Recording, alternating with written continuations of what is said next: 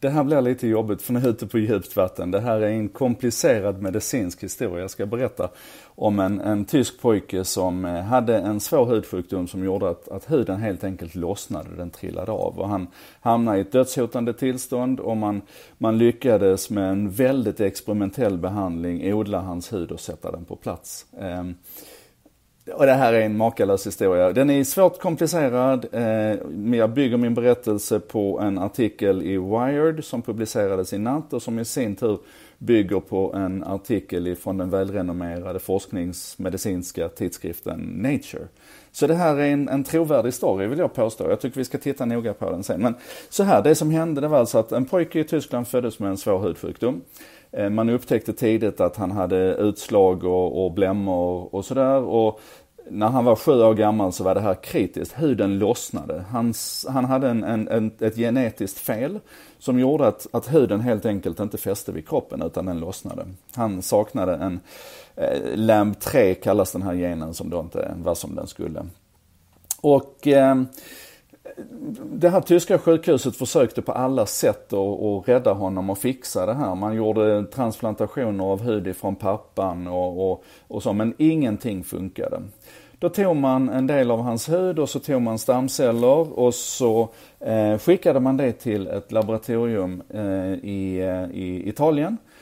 Och de satte igång och började odla hud. Alltså i en, en klinisk miljö så tog man hans, hans hud och, och gener därifrån, man tog stamceller och, och helt enkelt odlade kvadratmeter med hud. Ehm, och det är inte lite vi pratar om här nu utan det är alltså all hud på kroppen här odlade man fram och skickade i omgångar så här en, en kvadratmeter, eller ja, en kvadratmeter nästan i månaden och så satte man det på plats eh, på sjukhuset i Tyskland och, och efter sju månader så, så kunde grabben checka ut.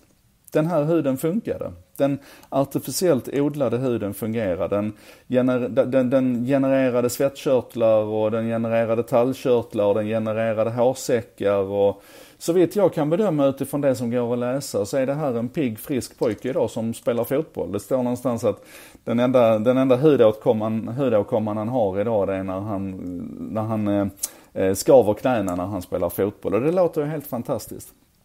Och nu finns det då naturligtvis massor med, med förbehåll här fortfarande, för man vet inte hur det här påverkar på sikt, hur det kommer att bli med ökad cancerrisk och så vidare. Men så här långt så, så verkar det funka.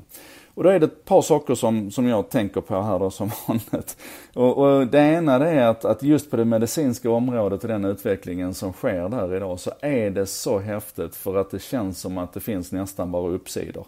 Det är klart att vi, att vi i kölvattnet av, av eh, genmanipulationer och, och stamcellsforskning och det finns någonting som heter CRISPR som jag tycker ni ska titta på som handlar om hur man helt enkelt kan mutera gener utan att det behöver gå liksom cellgenerationer utan du kan mutera dem på plats. Eh, helt magiskt är det. Eh, och det är klart att det, att det kan finnas en moralisk aspekt av det där, alltså hur mycket ska vi laborera med gener och hur mycket ska vi liksom göra medvetna mutationer och så vidare. Men ändå, runt den medicinska forskningen så känns det som att det finns en enorm öppenhet idag. Man arbetar tillsammans och man använder verkligen tekniken för att göra gott. Och, och det finns ju en del extrema moonshots här också. Google har ju till exempel ett företag som heter Calico, California Life Company, som har som affärsidé att bota döden. Och även om de inte lyckas med det så kommer det väl kanske att, att bli en del goda effekter i kölvattnet av det här.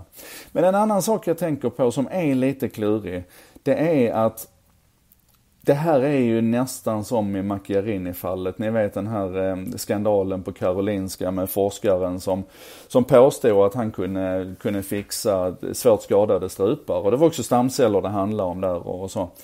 Och det är ju en skandal utan dess like, men intentionen i det var ju god egentligen. Tanken var ju att när allt annat hopp är ute och den här patienten kommer att dö ändå, då kan vi utföra experimentella behandlingar. Då kan vi testa liksom att, att nu får jag säga det igen, knuffa kuvertet, testa att eh, att, att gå lite för fort och lite för tidigt fram för att alternativet är död.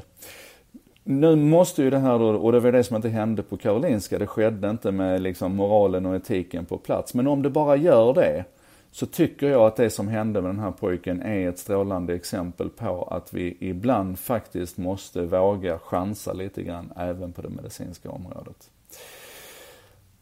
Men det får inte gå till som det gjorde på Karolinska. Anyway, jag lägger en länk till den här artikeln. Gå in och läs på den och så lovar jag att vi kommer att återkomma till det här med e-hälsa och eh, eh medicin i teknikens tidevarv. Och själv har jag ju tänkt leva till jag blir 850 år gammal.